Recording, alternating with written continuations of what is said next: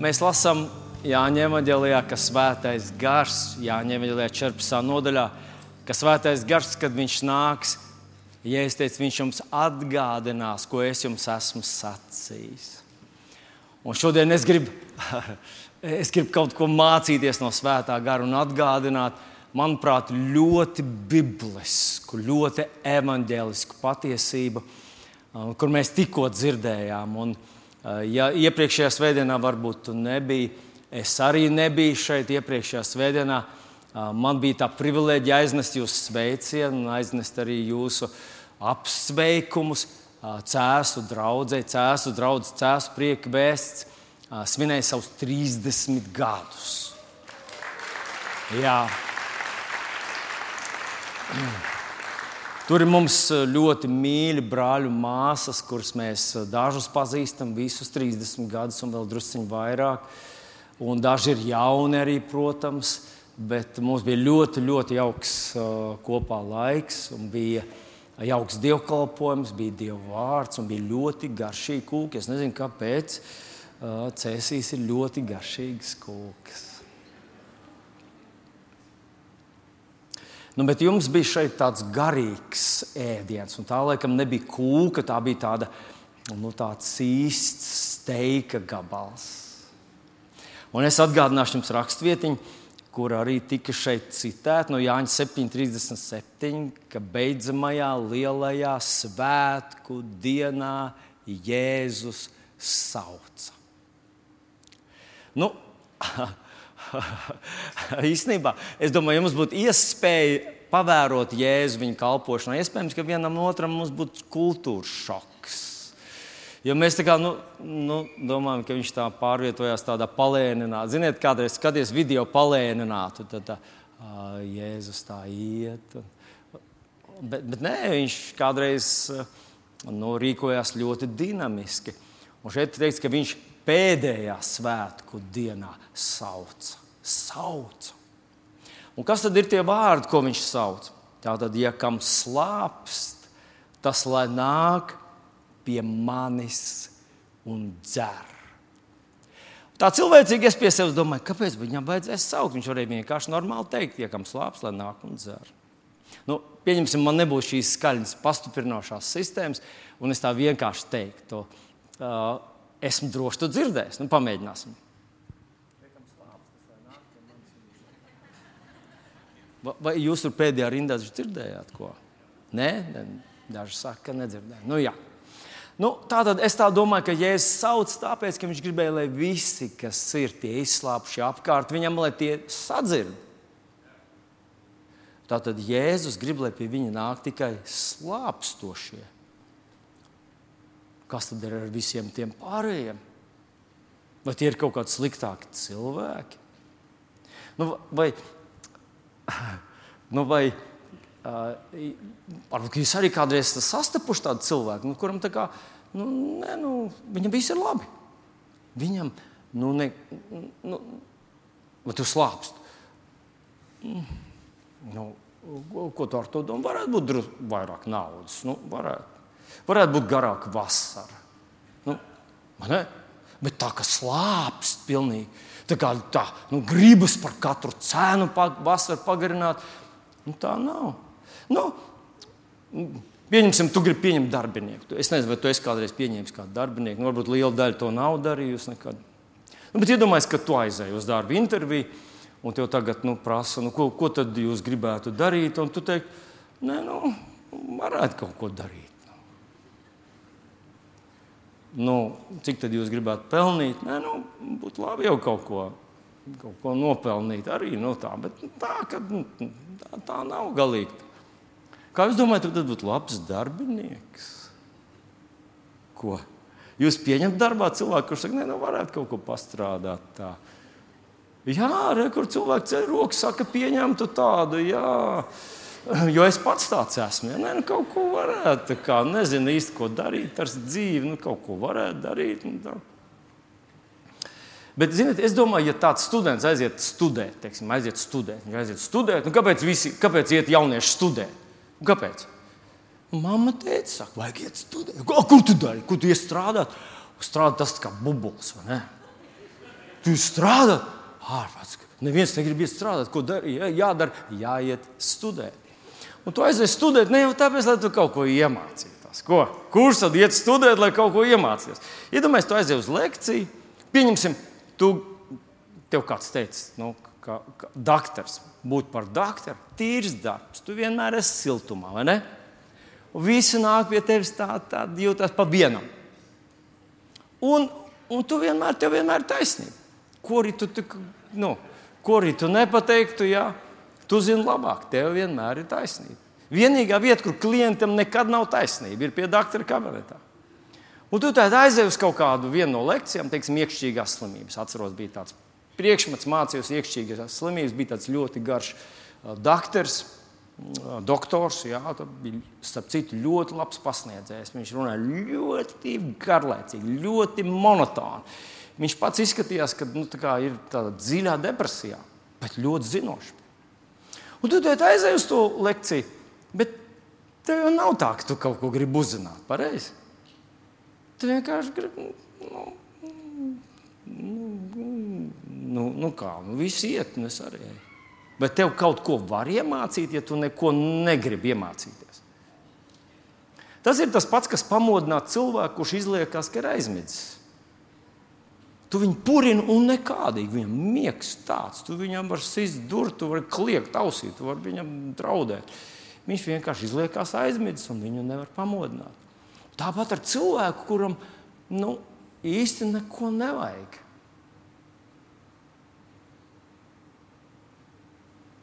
Kā jūs domājat, ja Jēzus gribēja, lai pie viņa nāk visi tie, kam slāpst, kam vajag, vai tu kvalificējies šajā rītā, lai tu kaut ko saņemtu no Jēzus? Vai tu esi no tiem cilvēkiem, kurš atnāca apsēdies? Nu, es nezinu, tu esi bijis kādreiz bērēs. Parasti bērēs kaut kā mirst visi citi. Pareizi. Uz mums ar tevi tas neatiecas. Esmu bijis, viena, es esmu bijis ļoti daudzās bērēs. Un es nevaru saprast, kas viņam kaiš, kāpēc viņi mirst. Es eju, skatos, nomirt tas, nomirt tas. Man tas ir milzīgs pārsteigums. Jā. Kāpēc viņi izvēlējās mirt? Un īstenībā tu neko daudz neklausies. Tu vienkārši domā pie skaties, tur te onkls kaut ko runā visu laiku. Viens guļ tur, tam visvieglāk ir, tev jāstāv. Nu, bērns, tā kā uz tevi vispār neatiec. Vai varētu būt tā, ka Jēzus, visa viņa rīcība, viss, ko viņš dara, uz tevi vispār neatiecas? Var tā būt? Jā, ja tev neslāpst. Tev nav nekā iekšā tāda, nu, ka tev vajag, tev gribas. Tu nevari tā kā līdz šim. Tev gribas vēl, tev gribas kaut ko mainīt. Tev gribas, lai kaut kas mainās tavā dzīvē. Ja tā nav, pat Dievs tev nevar palīdzēt. Es pateikšu to vēlreiz. Ja tev ir plus mīnus viss kārtībā, nu, nu varētu jau būt kaut kas labāk. Nu, bet tā lielos vilcienos tev viss ir ok, vai ne?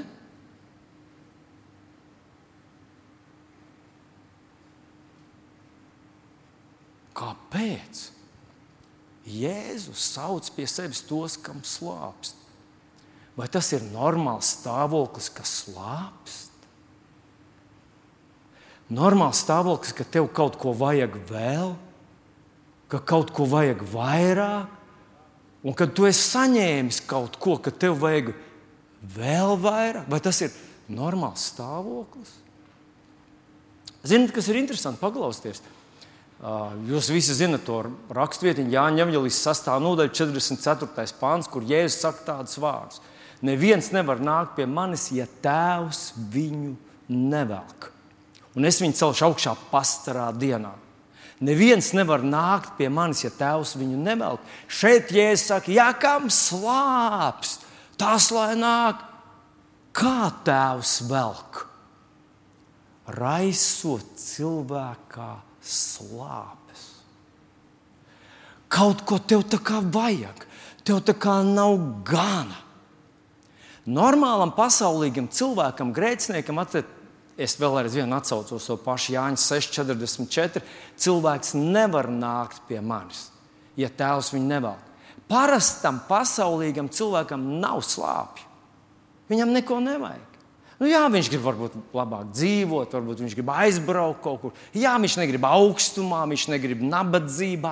Jā, viņš kaut ko nu, tā kā, tādās kategorijās, tās viņam ir tādas absolūti fiziskas un saprotamas. Bet kaut ko tādu, lai slāptu pēc Jēzus, tas ir tas, ko Dievs Tēvs cenšas izraisīt cilvēkā. Jo tad viņš tam cilvēkam var kaut ko palīdzēt. Nu, mēs zinām, ka mirušajiem viss vienalga. Garīgi mirušiem. Garīgi tu vari izskatīties jauns, tu vari izskatīties simpātisks, tu vari izskatīties mūsdienīgs, tu vari izskatīties veiksmīgs, tu vari uzvesties kā veiksmīgs. Cilvēki var domāt, ka tev viss ir ok. Tu esi taču, taču paskaties uz sevi, tu, taču, tu esi kopija visām tām smukajām bildītēm, ar kurām visa pasaule lepojas. Tev viss ir labi. Bet ja tevī nav šo slāpju, tad īstenībā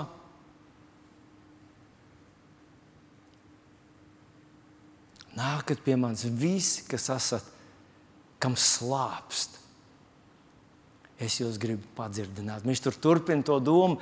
Bet šajā rītā, mīļais, mans brāl un māsa, es gribētu atstāt tevi ar to, ar to apziņu, ka Dievs saka, ka tas ir normāli, ka tev vajag vēl.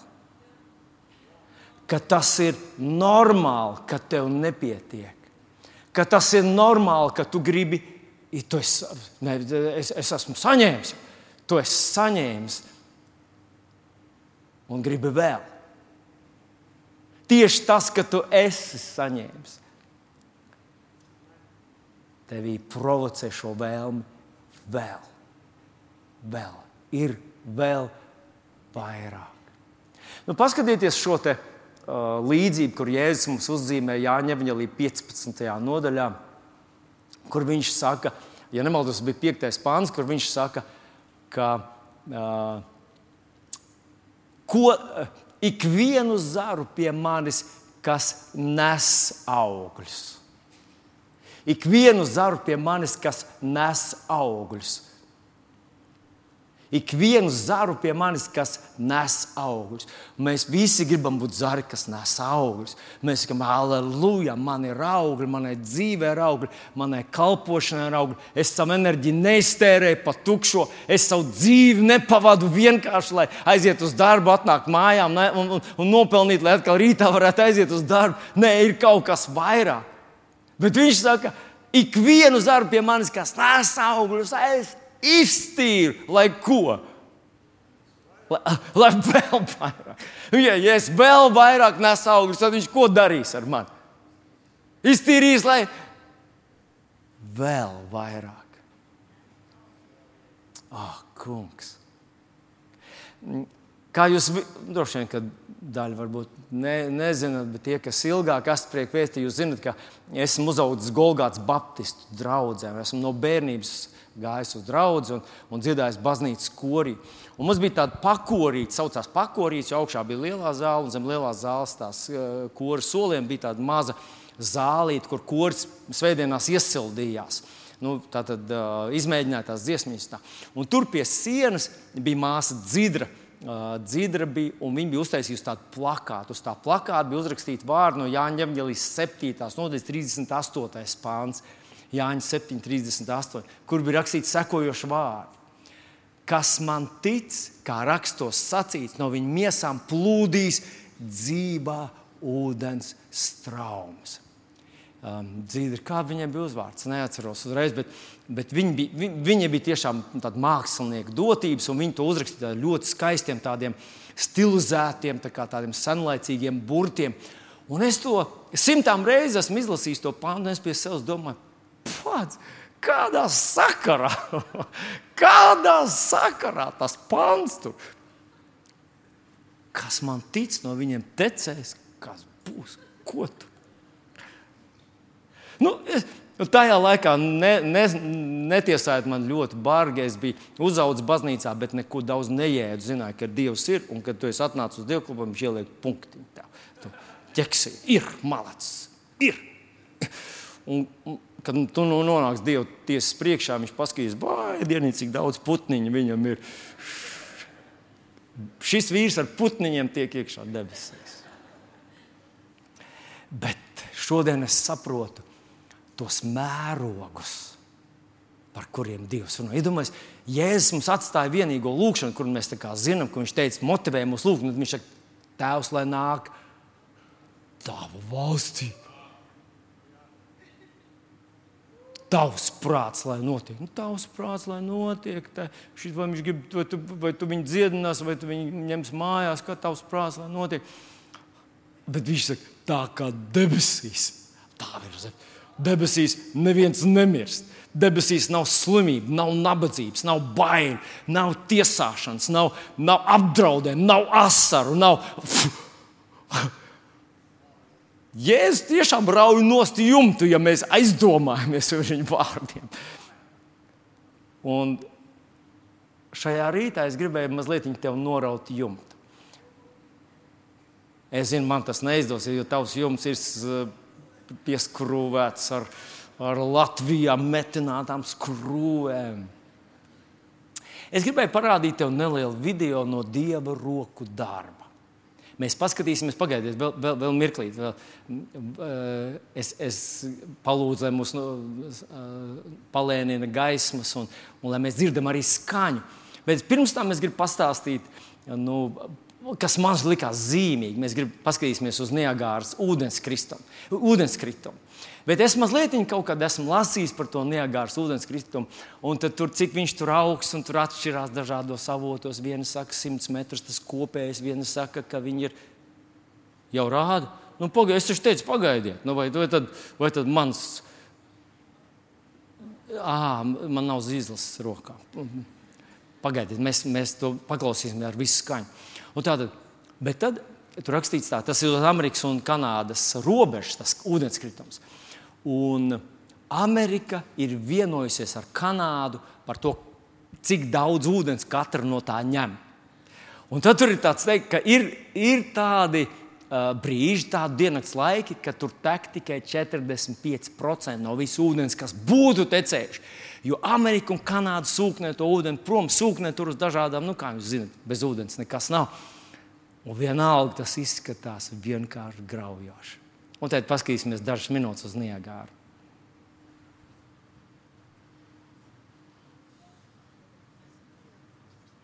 Tagad var.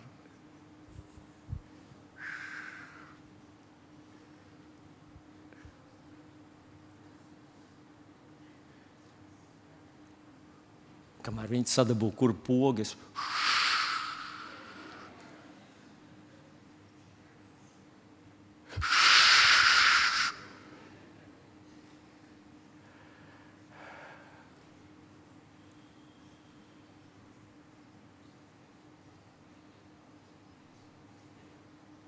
skaņa, skaņa.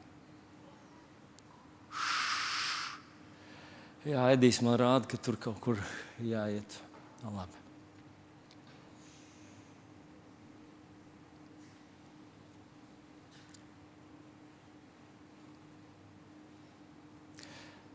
Jā.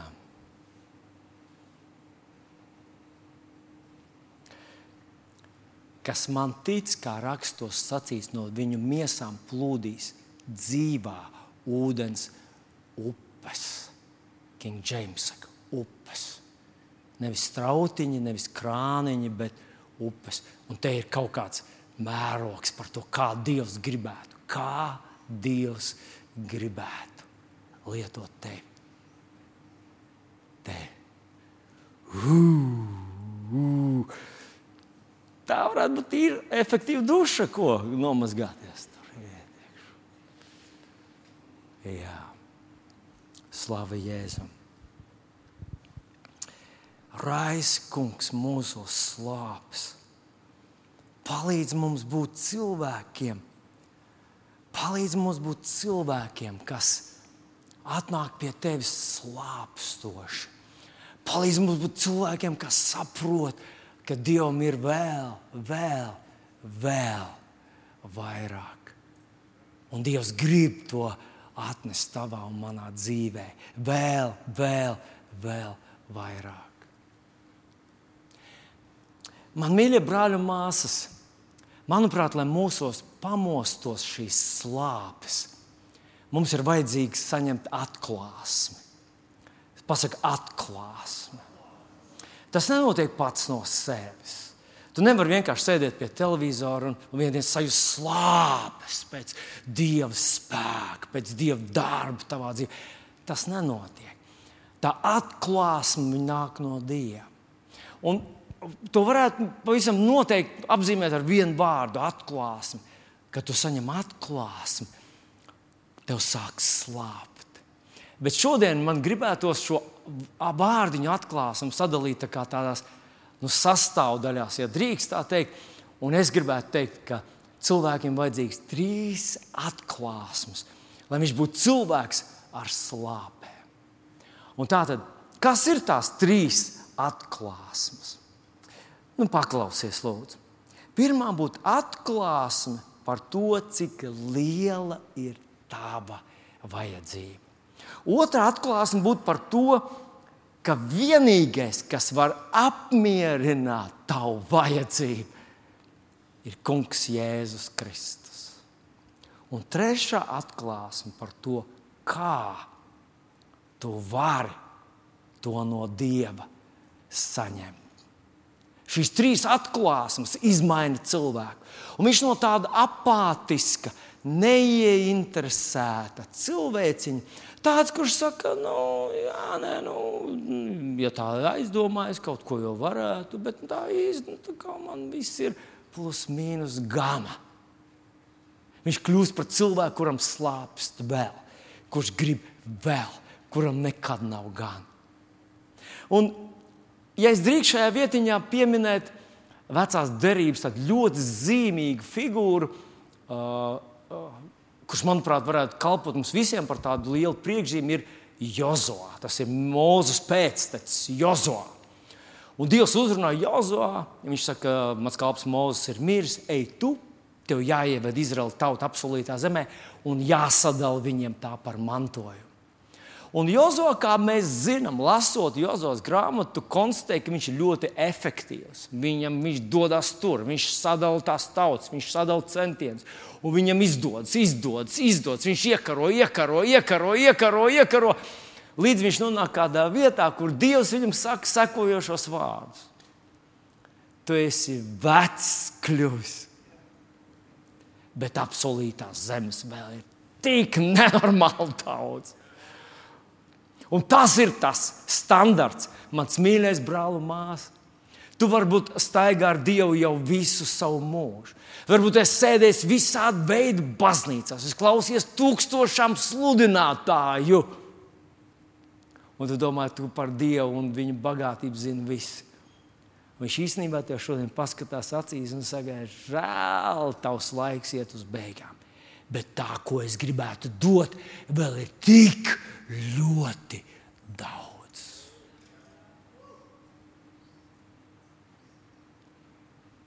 Nu, es jums gribēju parādīt vienu spilgtu piemēru. Viņi ir vairāki Bībelē. Spilgti piemēri, kur visas šīs trīs atklāsmes darbojas. Parādīšu, manuprāt, ļoti spilgtu piemēru, bet to beigās. Es gribētu mazliet parunāt par šīm atklāsmēm. Pirmā, apzināties savu vajadzību apzināties savu vajadzību, apzināties savu nekompetenci, neatbilstību, neadekvātumu, nabadzību. Kādā vietā iesteidzis svētīgi, garā, nabagi. Ak, Dievs, kā es ienīdu šo pantu savas jaunības dienās. Kas tas par stulbu pantu? nu, tas jau garā nabaks. Tas nozīmē, ka nu, tas ir bezcerīgs variants. Un, ja es saku, svētīgi tie, kas apzinās savu vajadzību pēc manis, jo pasaule ir pilna ar cilvēkiem, kuriem nevajag, kuri domā, ka ir bagāti, ka ir zinoši, ka dzīvo jēgpilnu dzīvi, ka visi viņus apskauž par to, kādi viņi ir, kā viņi izskatās. Un te jāpiemina tas laudiķis piemērs, kur Jēzus saka, tu nezini, ka tu esi nabaks, akls un kails. Cilvēkam, kurš domā, ka tev viss kā ir, ka tu pats tīri labi tiec galā, vienīgi nu, tur pēc nāves gribētos kaut kur labākā vietā. Tev nav šīs atklāsmes, jo tam, kuram ir tā atklāsme, viņš saprot, ka viņam vajag, ka viņam nav. Un, lai tu kaut ko no Dieva saņemtu, tev jānonāk šajā vietā.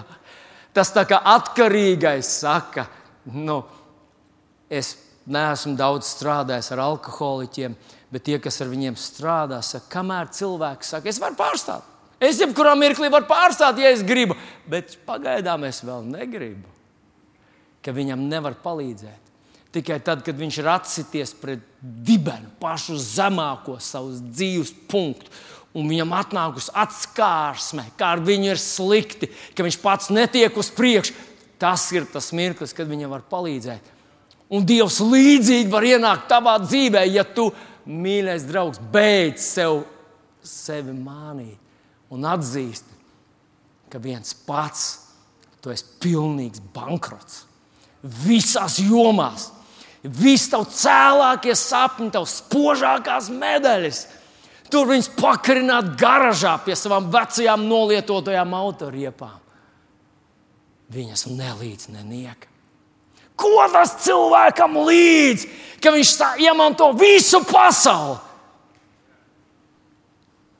Vai tu esi lasījis to pantu? Jo neatceļam ir Dieva aicinājums, Viņa dāvans un Viņa aicinājums. Tas ir reizē iedrošinoši un reizē biedējoši. Tā nav aizbildinājums. Nav aizbildinājumu cilvēkam, kāpēc viņš šajā pasaulē neizdarīja to, kam dēļ viņš noliks šajā pasaulē. Dievs to neatcels. Saka, es par vēlu, es, es biju aizņemts ar visām citām, es, es, es baidījos. Tas nav atceļams. Un tu to nevari izpildīt bez viņa. Apzināties savu nespēju. Ja es to burtiski pateicu Jāņa 15, jūs bez manis nevarat neniekt. Bet mēs jau neesam bez tevis. Jā, tā ir šīs atklāsmes otra daļa. Bet pirmā apzināties, ka tev vajag viņu, bez viņa tu esi bankrots. Otrā atklāsme par to, ka Jēzus ir vienīgā atbilde. Ja es turpat Jāņa 15. saka, es esmu vīnu koks, jūs tie zari. Tu neesi sastaps zaru, kurš klaiņo apkārt. Saka, es biju pie tā koka, bet es domāju, kur man doties, pie kāda koka. Es... Viņš atstāja burtiski vienu vai vienu. Uh, ir tikai viena patiesība šajā ziņā. Es esmu īstais vīna koks, jūs esat zari. Jāņa 10. nodaļā, 10. pantā viņš saka, ka zāglis tā, lai zaktu nokaut, nomaitāt. Zagļu ir daudz, bet es esmu nācis, lai tiem būtu dzīvība un dzīves pārpilnība. Ir tikai viens, kas var tev palīdzēt. Ir tikai viena atbilde. Ir tikai viens koks, pie kura tu vari būt veiksmīgs. Ir tikai viens, kas var atrisināt tavu lielo deficītu. Jēzus Kristus. Dod viņam aplausus.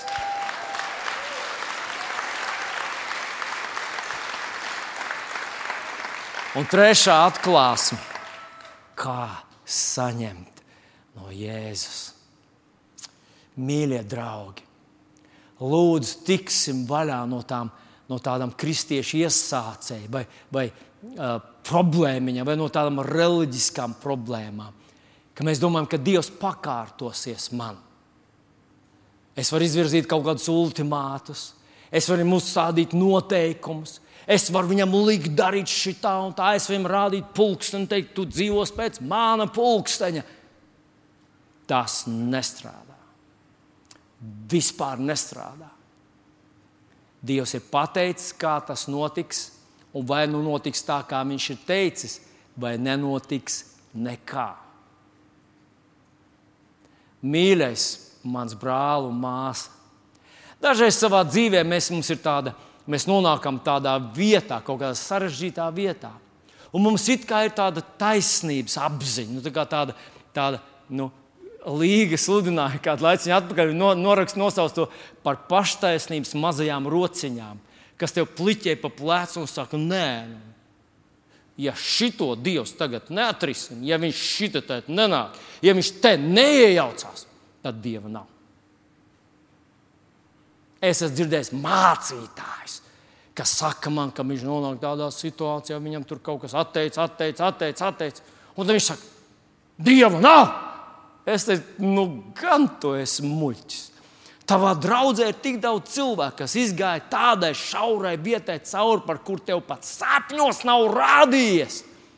Un tu sastopies ar pirmajām grūtībām, kā Bībele saka, ka tas, ar ko mēs sastopamies, ar tām lielajām, necilvēcīgām, ārprātīgām grūtībām, ar kurām tu sastopies, ir sastapušies cilvēki tūkstošiem pirms tevis. Tās ir visparastākās, viscilvēcīgākās lietas. Un no tā secināt, ka Dievs kaut ko nedara, mīļais draugs, ir ļoti tuvredzīgi un ģeķīgi. Notiks tā, kā Viņš ir teicis. Tāpēc mēs studējam Viņa vārdu un paļaujamies uz to, ko Viņš ir teicis. Nevis kā mēs jūtamies vai gribam. Kā tas darbojas. Tā ir vesela atklāsme.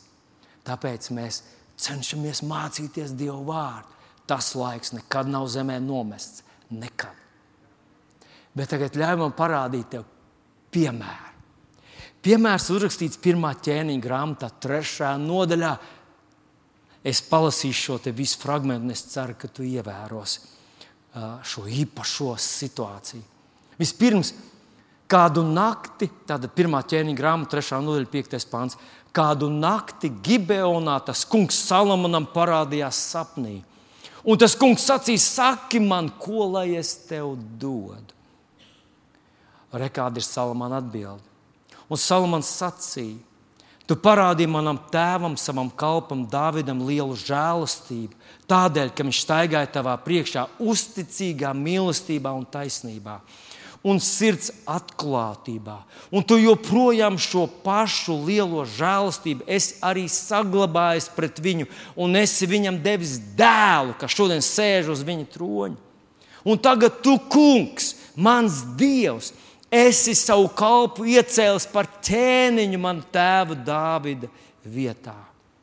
Bet es vēl esmu jauns zēns, kas nezina, kā iziet un kā ienākt un tavs kalps atrodas tavas tautas vidū, kādu tu pats esi, esi izraudzījis, kas ir liela tauta, kur nevar aplēst, nedz izskaidrot tās lielā vairuma dēļ. Un tādēļ dod savam kalpam gaišu sirds prātu, lai viņš varētu būt soģis pār tavu tautu un lai varētu atšķirt labu un ļaunu. Jo kas gan lai spētu pārvaldīt šo tavu lielo tautu? Un šis vārds patika tam kungam. Proti, ka Salamans tieši šādu lietu bija lūdzis. Un tas kungs viņam atbildēja, tāpēc, ka tu esi lūdzis sev šo lietu, bet gan neesi lūdzis, kā izpētīt, bet gan esi, mm, piedodiet, bet neesi lūdzis sev garu mūžu. Nec bagātību, nec nāvi taviem ienaidniekiem, bet gan esi lūdzis, kā izprast taisnību un kā tai paklausīt. Tad es tev došu kā tu esi vēlējies. Redz, es tev dodu gudru sirdi un tik saprātīgu, ka tāds kāds esi tu, nav vēl neviens cilvēks bijis priekš tevis, un tev līdzīgs necelsies arī pēc tevis. Wow! Un tādēļ, ka tu to nesi lūdzis, es došu tev arī bagātību un godu. Tāda kā tu starp ķēniņiem nebūs visā tavā mūžā. Wow! Nu, vispirms es gribu pāris komentārus, un, un tā pirmā lieta, ko es gribu, lai tu piefiksē, ka tas ir sapnis. Sapnis. Saka, sapnis. Es zinu, ka tu kādreiz savā dzīvē esi sapņojis sapni. Un vai nav tā, ka īstenībā tu nu, ne, nekontrolē, kas sapnī notiek? Vai ne? Sapnī notiek kaut kādas lietas, un tu tā kā, tā kā vienkārši tā kā no malas skaties. Izņemot vienu lietu. Izņemot tās lietas, kas tev ir dziļi ierakstīts, kas tev ir tik svarīgas, tik nopietnas, ka tās saistās ar tavu personību, ar tavām dziļākām pārliecībām, tās gan sapnī nemainās. Nu, neviens sapnī mēs nedodam savu roku izbarot, teiksim, kaut kādā zooloģiskā dārzā, un tu, tu, tu, tavu roku ir lauza krātiņā un saka, o, regu, iebāzīšu otru arī. Tas nenotiek. Neviens mēs tādu sapni neesam redzējuši. Parasti mēs bēgam. Varbūt nu, man bijis tāds sapnis, ka tu nevari paskriet. Es sapnī, ka tu, tu gribi skriet, bet, bet tā kā neiet tu glābi savu dzīvību. Tāpēc tas ir viens no taviem pamat instinktiem, viena no tavām svētajām pārliecībām. Tu glābsies. Otra lieta, ko mēs nekad nenododam, ir savus bērnus. Nevar būt, ka māte redz sapni, saka, sapnēs nosit savu bērnu. Tad, tad mēs sakām, ops, tev jāiet pie doktora. Parasti mamma, vienalga cik dziļš nav sapnis, vienalga kāda situācija nav sapnī, Mama glābi bērnu. Viņa jūt līdzi bērnam. Pat ja viņa nevar pie, palīdzēt, tad viņa, viņai sāp, viņa uztraucās, viņa jūt līdzi. Viņa gribētu kaut ko darīt, lai izglābtu savu bērnu. Tāpēc tas ir daļa no viņa dziļās pārliecības. Un tagad mēs lasot šo Salamana sapni, mēs saprotam, kas ir daļa no viņa lielās pārliecības. Ka tas, ka viņš ir karalis, nav viņa nopelns. Viņš ir Dievs, tu un mans tēvs mani svētīja. Tu pagādāji, tu parādīji žēlastību. Tāpēc es esmu tur, kur es esmu. Dievs, tu tas esi. Otra lieta, ko mēs tur, es nezinu, vai tu to pamanīji vai nē, ka Salamans saka, es esmu jauns puisis, un es nemāku kā iziet, un nemāku ienākt. Tiešām? Nu, ja mani padarītu par karali, pat kaut kādā afrikāņu, kaut kādā mazā ciltī, es teiktu, es nezinu.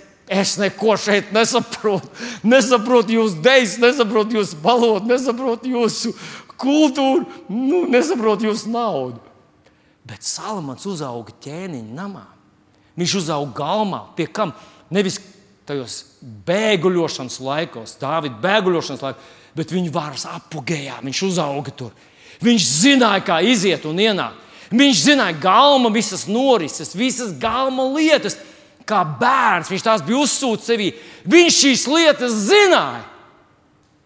Bet viņa iekšējā tā pārliecība ir, ka tas, kādam man ir jābūt, un tas, ko Dievs grib ar mani izdarīt, es nemāku, es nesaprotu.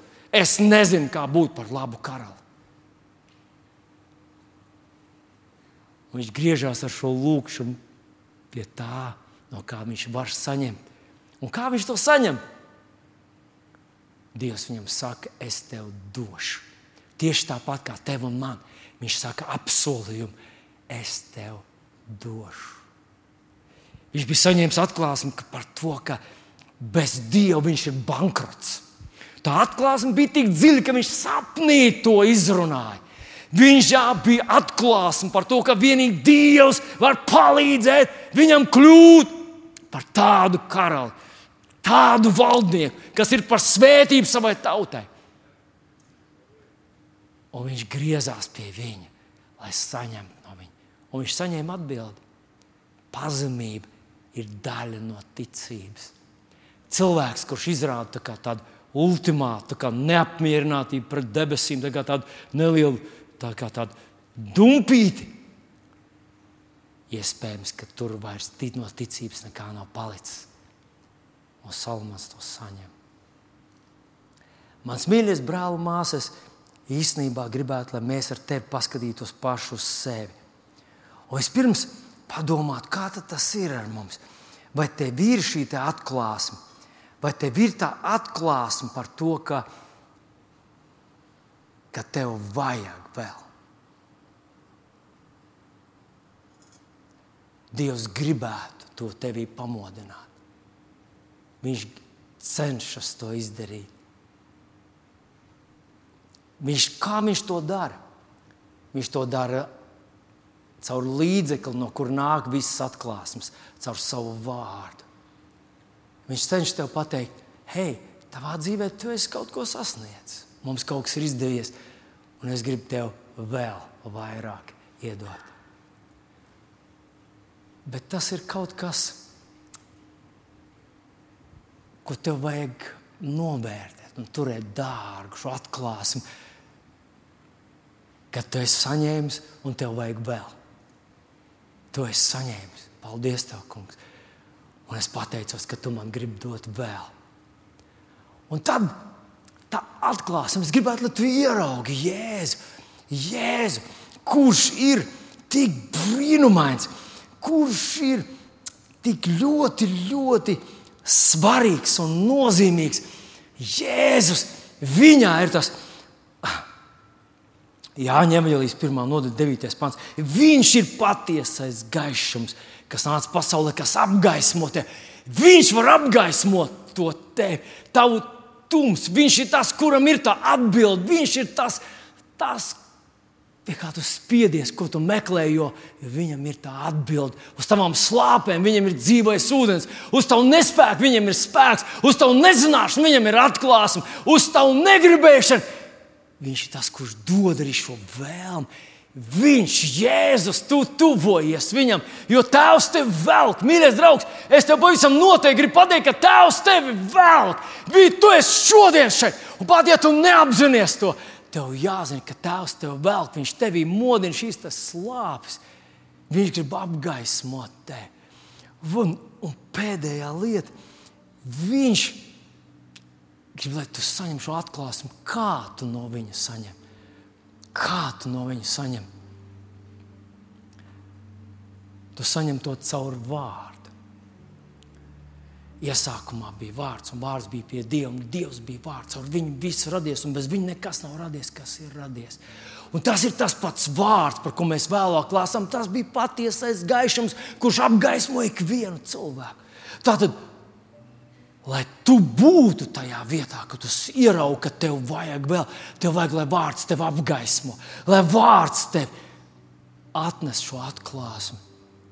Un kad viņš atnes šis vārds, tev atklāsmi, tad vārds reizē arī ir tas, kurš atnes to risinājumu. Un man, man fascinē pāns no kolosiešiem 2,9. Viņā mājo visa dieva pilnība miesā. Halleluja! Viņā mājo visa dieva pilnība miesā. Vai tu nojauti to, mīļais draugs? Kad tu paņem savu bībeli, tu gribi mazliet palasīt, varbūt vakarā pirms gulētiešanas, varbūt kādā, nu, nezinu, pusdienas pārtraukumā, varbūt no rīta, varbūt kādā, nezinu, kādā, kādā brīdī tu atver bībeli vaļā un tu saki, kungs, uzrunā man. Vai tu iedomājies, ka tur tajā bībelē ir iekšā Dieva vārds. Ka tas var tevi uz, uzrunāt, tā ka tas var tevi apgaismot, ka tas var tevi apga, apga, atmodināt, ka tas tevi var izraisīt kaut kādu jaunu tādu gaidīšanas sajūtu, kaut kādu meklēšanas sajūtu, kaut kāds kā jauns slāpes, ka tu gribi, tu gribi vēl, kungs, kas, kas man jādara, es gribu vēl, es gribu to, kas tev ir. Tas nenotiek vienmēr. Man vismaz tas nenotiek vienmēr, bet man ir, man ir daudz, diezgan daudz pantu, kurus Dievs man uzrunājis. Un es viņus ik pa laikam pārskatu, un tad es jūtu, kurš ir tās vitamīnas, kurš man vajadzīgs šobrīd. Un es paņemu to, un es atkal domāju par viņu. Es ņemu to vārdu, un es domāju par viņu. Es domāju, un es drosmīgi pasludinu to. Un es ļauju, lai tas vārds zīmē manu dzīves nākotni, man dzīves perspektīvu. Jo paskatieties, Viņ, viņš tepat kolosiešiem 2,9. Viņā mājo visa dieva pilnība miesā. Bet kas nākošajā pantā rakstīts? Viņā, viņā jūs esat kļuvuši pilnīgi, jo viņš ir galva visām varām un visiem spēkiem. Es nezinu, kas tev tagad ir vajadzīgs, tur, kur tu šobrīd esi, bet vienu gan es zinu, ka tu nevari nodzīvot rītdienu bez Dieva spēka. Un es zinu, ka viņš gribētu, lai rīt tev Dieva spēks būtu vairāk nekā vakar. Viņš grib, lai mēs ejam paklausīties. Tie ir Kristus standarti, lai mēs ejam no spēka uz. Nevis, lai mēs tā spēcīgi nodzīvojam. Viņš grib, lai šodien tev Dieva dod spēks, bet rīt, lai tev tā būtu. Jā, bet vai tad es nevaru dzīvot tādu vienkārši parastu, tādu ikdienišķu, normālu, tādu normālu cilvēku dzīvi? Tu nevari dzīvot normālu cilvēku dzīvi. Tāpēc, ka tu neatrodies normālā situācijā. Tad, kad tu dzīvos tūkstošu gadu miervalstībā, kad Mēsija valdīs no Jeruzalemes, tā būs normāla cilvēka dzīve. Tad tu varēsi neiespringt. Bet šobrīd tu atrodies kara laukā. Tie, kas dzīvo Ukrajinā, viņiem tas ir uzskatāmāk ka katru dienu ienaidnieks mēģina trāpīt. Viņš šauj raķetes, viņš šauj dronus, viņš šauj ar, ar lodēm, viņš šauj ar lielgabaliem, viņš šauj no lidmašīnām, viņš šauj no ūdens. Viņš grib mūs satriekt. Tāpēc viņš saka, no spēka uz spēku, no spožuma uz oh, kungs, kungs, kas mūs apmierināja?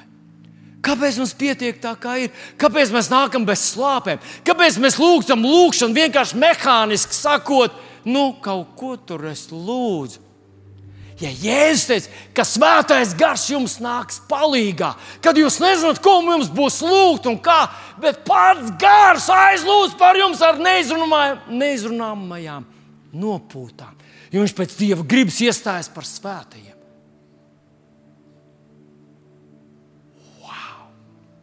Varbūt mēs ar tevi vēl nedzīvojam tajā augstākajā savā iespējamajā līmenī. Varbūt mēs kā draugi vēl neesam augstākajā. Varbūt tu kā indivīds, kā mamma, kā vecāks, kā kalpotājs, kā cilvēks. Tu neesi tur, kur tu būtu varējis būt.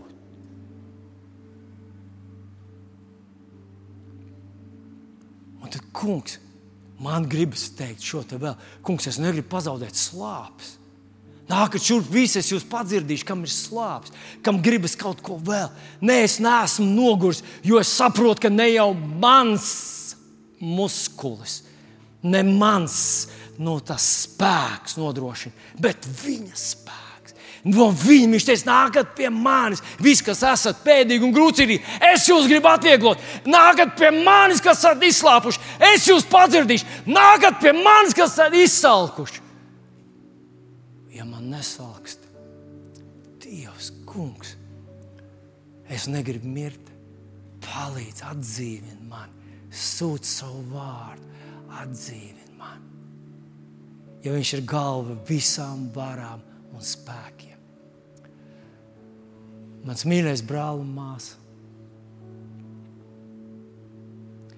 Ja nu, un esmu pārliecināts, ka tā tas arī būs, ka nonākot debesīs, nu, es ticu, ka mēs ar tevi tur nonāksim.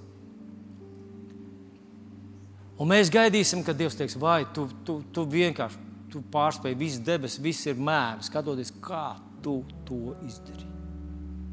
Bet, ja nu tur ir viena zāle, kur tu esi viens pret vienu ar, ar kungu jēzu pieņems.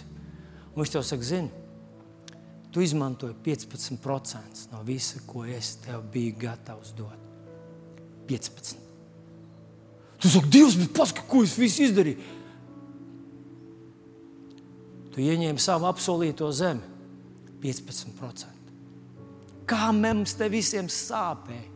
Tev vajadzēja dzirdēt, kā tur visi auroja, visi tie, kas skatījās uz tevi, kas tevi mīl, kas tevi pazīst, visi tavi, tavi uh, vec, vectēvi un tavi tēvi, visi tie ticības tēvi, kas gāja tev pa priekšu, kas bija par tevi lūguši. Viņi kā viņi auroja, nu taču saņemies, nu taču nedzīvo vienkārši kā parasts miesas gabals. Nu taču ieraug, ka viņam ir vēl, viņam ir vēl. Tev viss, kas tev bija jāizdara, kungs, jā, es nevaru, bet ar tevi es to izdarīšu, Jēzus un jākāp ārā, un tās mazās laiviņas, kur tāpat jau slīka. Paļaujieties uz Dieva spēku. Ja nu tu visu laiku, to laiku, kur tu bezjēdzīgi bezmērķīgi, vienkārši pavadīja, vienkārši nedomājot neko. Ja tu būtu te, kungs, teicis, un tu būtu apliecinājis, kungs, es pieņemu šo dzīvo ūdeni, lai tas plūst no manis. Es esmu tas, kurš tic tev, kā rakstos sacīts, no manām miesām plūst dzīvo ūdens traumas. Es nevaru viņus redzēt, bet Dievs, es gribu, es gribu vēl vienu traumu.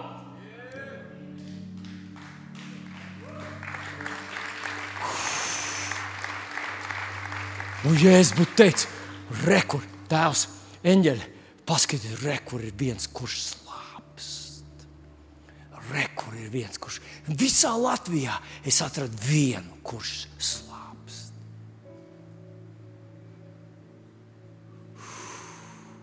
Tu saki, Vilni, bet es jau ilgi esmu kristietis. Es jau esmu gados, es jau esmu mazliet noguris. Paklau, Bet, ja nu jautājums ir, ja ne tagad, tad kad?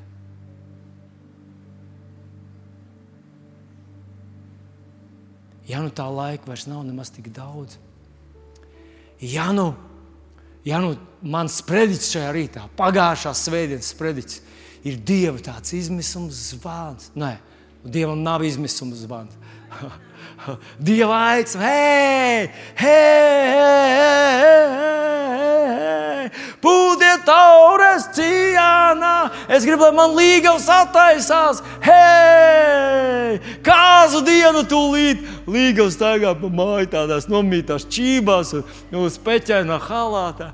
Jā, nē, nu varētu jau vēl kaut ko varbūt kādu eh, pieķemmēties bišķiņu. Viņš, hei, hei, hei, uh, uh, uh.